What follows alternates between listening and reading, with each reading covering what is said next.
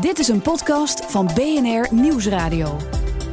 Een jaar kan heel lang duren en er kan veel in gebeuren. Ophef, evenementen, memes, nieuws. Alles volgt elkaar zo snel op dat overzicht houden lastig wordt. Misschien voelt 2018 wel als vier jaar. Aan het einde van het jaar kunnen er lijstjes gemaakt worden en glazen bollen afgestoft over wat er gaat komen. Bij het FD doen ze het net anders. Daar duiken ze de wereld in van het FD Eindejaarsmagazine. De wereld in 2019, waarin we terugkijken en leren van het afgelopen jaar en vol kennis het nieuwe jaar ingaan. De journalisten van het FD zijn in hun wereld van expertise gedoken om zo de belangrijkste ontwikkelingen in 2018 inzichtelijk te maken en een kijkje te nemen door het raam naar 2019. In deze De Wereld in podcastserie horen we de journalisten over hoe ze op hun verhaal kwamen. Waar werden ze door geprikkeld, geïntrigeerd en hoe verliep hun weg door de wereld in 2019? Aandachtig naar de schermen van de iPad staren is het beeld van de toekomst. In 2018 is die toekomst er alleen nog niet. Het angstbeeld is er wel, maar de digitalisering van de klas laat nog even op zich wachten. Wat gebeurt er precies tussen alle technologische ontwikkelingen en de emoties in de klas? Ilse Zeemeijer, journalist voor het FD, gespecialiseerd in educatie, ging terug naar school. En dat is grappig, een van de wetenschappers die, is, uh, bij, die was net gepensioneerd van de UvA.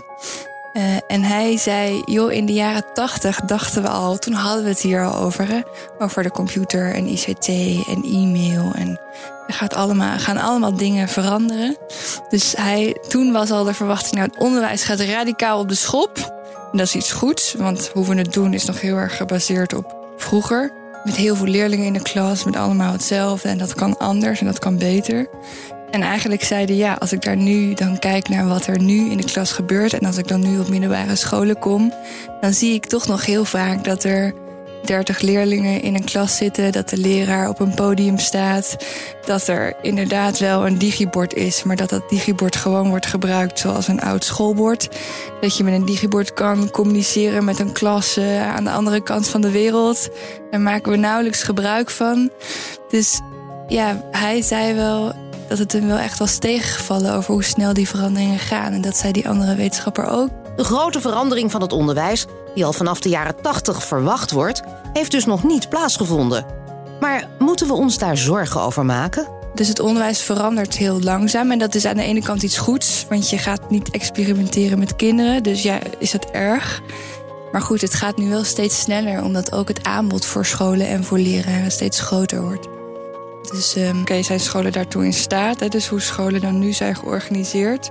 Ik denk de voorbeelden die er al zijn, die laten wel zien dat het prima kan. Hè? Dus wil niet zeggen dat als jij gaat werken met iPads, digitaal lesmateriaal, uh, digiborden, uh, appjes om toetsen te oefenen bijvoorbeeld. Ja, dan hoeft de klas hoeft niet op de schop of zo. Ik bedoel, op zich dat je in een klas zit op een school is natuurlijk nog steeds prima. Dus dat staat niet gelijk. En al de hele school moet op zijn kop. Dit moet allemaal anders en we hebben geen leraar meer nodig. Dat is natuurlijk onzin. Dus in die zin um, kan dat prima. Alleen de vraag is natuurlijk wel: weten leraren en weet ook de school hoe ze het dan moeten inzetten? En daarover is eigenlijk nog relatief weinig bekend. Ik denk, ik kan zo aan iedereen vragen: wat is nou het goede? Dus bijvoorbeeld, ik hoor elke keer dingen over dat je kinderen kunnen leren schrijven op een iPad. De een zegt dat is heel goed, daardoor ga je sneller leren lezen en schrijven. Anderen zeggen weer nee, voor de fijne motoriek is pen en papier nog steeds het beste. Ja, wat is dan waar? Nou, over de vraag van wat is nou het beste voor welke leerling, daar moet gewoon nog heel veel onderzoek naar gebeuren. Dus dat ja, staat eigenlijk nog in de kinderschoenen. Een verandering van het onderwijs staat nog in de kinderschoenen. Gebrek aan technologie is het niet. Maar is de aanwezigheid van technologie genoeg voor een revolutie? Dus kijk, als je kijkt naar bijvoorbeeld uh, tien jaar geleden, denk ik. Kijk, bij de eerste bijvoorbeeld digitale boeken, dat was gewoon een PDF achter glas. Ja, dat is natuurlijk leuk, maar dat is natuurlijk niet. Uh, ja, wat voegt dat dan toe eigenlijk? Hè? En dan maak je dus niet echt. Dat is hetzelfde met zo'n digibord. Wat voegt een digibord toe als je het op dezelfde manier gebruikt als een schoolbord met krijt? Dus dan is dat niet per se, hoeft dat helemaal geen verbetering te zijn. Kijk, dus aan de ene kant zie je dat het aanbod, dat is nu wel een beetje echt aan het veranderen. Dus er zijn heel veel apps, uh, boeken, digitale platformen die kinderen kunnen gebruiken in de klas, thuis. Dus dat aanbod verbetert. Dus als het aanbod beter wordt, dan dat is natuurlijk heel belangrijk. Dat het ook gewoon goed is. En dat je ook kunt meten, want daar is ook nog heel weinig onderzoek naar gedaan. Van ja, is dit uh, digitale werkboek bijvoorbeeld echt beter voor kinderen voor de manier hoe ze leren? Ja, als het weinig toevoegt of het niet makkelijker maakt, ja, waarom zou je het dan gebruiken? Dus nee, dat is één. Maar de tweede is natuurlijk van ja, oké, al heb je die middelen en het wordt steeds beter en er zijn steeds meer mogelijkheden, heb je wel de mensen nodig die daarmee kunnen werken. Dus het is en en eigenlijk. En dus aan de ene kant zie je het aanbod neemt heel erg toe en de leraren. Een heel groot deel van de leraren wil heel graag. Dus het is een soort van mythe, zei die ene wetenschapper, van dat leraren dat allemaal niet willen. En daar super conservatief in zijn. Dat is niet zo. Maar zij zijn natuurlijk wel heel kritisch van ja, wordt, worden de kinderen in de klas hier beter van? En dat is natuurlijk heel terecht. De kinderen hebben de toekomst en we willen allemaal dat ze het beste onderwijs krijgen. Meer toegespitst op eigen kunnen, ontwikkeling. Dat technologie daarbij kan helpen is duidelijk.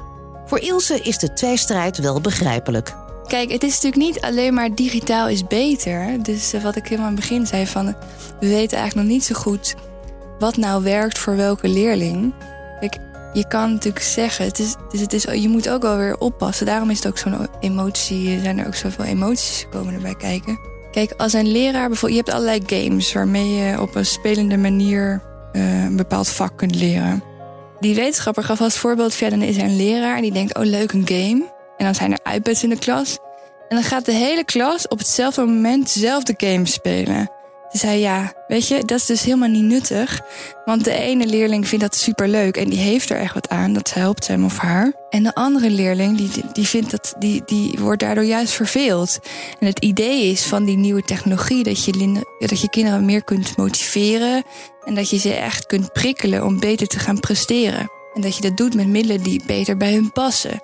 Maar ja, als je dan vervolgens voor iedereen weer hetzelfde doet, zoals je vroeger ook in de klas uh, vaak hebt, ja, dat is dan ook weer niet. Dus het alleen maar van ja, je wordt er slimmer van, dat is nog maar de vraag. Hè? En dat hangt heel erg vanaf van hoe je het in de klas gebruikt. En dat moet gewoon, daar moet nog veel meer onderzoek naar komen. Hoe effectief is het lesmateriaal? Hoe bereik je de kids op de juiste manier? Echt een omslag maken in de manier van lesgeven door middel van de technologie. Wie test dat? Ja, nou je ziet dus bij de aanbieders. Eh, die hebben allerlei adviseurs in dienst. Er zijn ook onafhankelijke partijen die publiek zijn. Dus die, eh, kijk, een adviseur van een bedrijf dat uh, schoolboeken verkoopt, of dat digitaal is of papier, heeft natuurlijk belang bij om zoveel mogelijk boeken te verkopen. Maar je hebt ook onafhankelijke partijen die scholen adviseren. Je hebt dus zo'n lectoraat bij de hogeschool in Arnhem en Nijmegen bijvoorbeeld, die heel veel test. En ook echt docenten uitnodigt om allerlei middelen, toepassingen, die robotjes in de klas om dat te gaan testen. Of denk aan 3D-printers voor de techniekles, om echt leraren te laten zien van dit is er mogelijk en dit kan je helpen. Dus daar is echt wel een markt voor. De digitalisering van het onderwijs gaat niet alleen maar over iPads, materialen, robots en spelletjes. Beter toegespitst onderwijs voor de kinderen. Maar vergeet de andere belangrijke factor in het schoolsysteem niet, benadrukt Ilse. Maar het is ook vooral de leraar zelf die daar natuurlijk behoefte aan krijgt. En die wetenschappers zeiden van ja, als je nu kijkt naar. Als jij 30 leerlingen in de klas hebt, dus natuurlijk een lerarentekort. Dat blijft nog even spelen. Dat is nog steeds heel urgent. Uh, dat verschilt natuurlijk per plek, maar dat, dat blijft gewoon ook volgend jaar een uh, belangrijk onderwerp. Ja, als jij dan dus en heel erg hoge werkdruk hebt, hè, eigenlijk al te weinig tijd om elke leerling die aandacht te geven die je graag zou willen. En ja, dan, op zich zeggen dan die wetenschappers van nou ja, dan kun je ICT gebruiken om kinderen wel meer soort van op maat les te gaan geven. Dus als de ene meer toetsen nodig heeft, laat die dan werken met extra wiskunde bijvoorbeeld.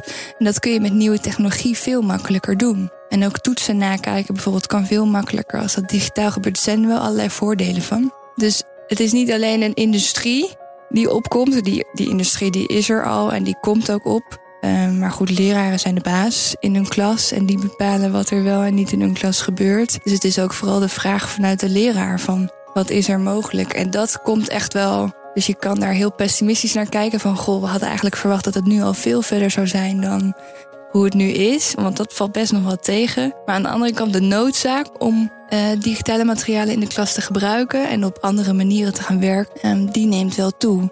Dus als het goed is, dat zeiden die twee wetenschappers, verwachten ze wel dat dat gewoon ja, alleen maar omhoog kan eigenlijk. Een toekomst die al ruim 30 jaar in de maak is, lijkt nu het omslagpunt te bereiken waarbij de techniek en de mens elkaar treffen. Hoe die samenkomst er precies uitziet kun je lezen in het stuk van Ilse Zeemeijer, FD-journalist gespecialiseerd in educatie, in het FD-magazine De Wereld in 2019. In het magazine lees je alles over mens en machine, in de zorg, op de arbeidsmarkt en of algoritmes ons al met al gaan vervangen. Wil je meer weten over hoe de journalisten en experts op hun verhaal komen? Luister dan een van de andere afleveringen in deze podcastserie via bnr.nl slash dwi19 of in je favoriete podcast-app. Echt alle verhalen, inzichten en achtergronden die je nodig hebt in het nieuwe jaar kun je vanaf 8 december lezen in het FD-magazine De Wereld in 2019. Ga voor meer informatie naar fd.nl.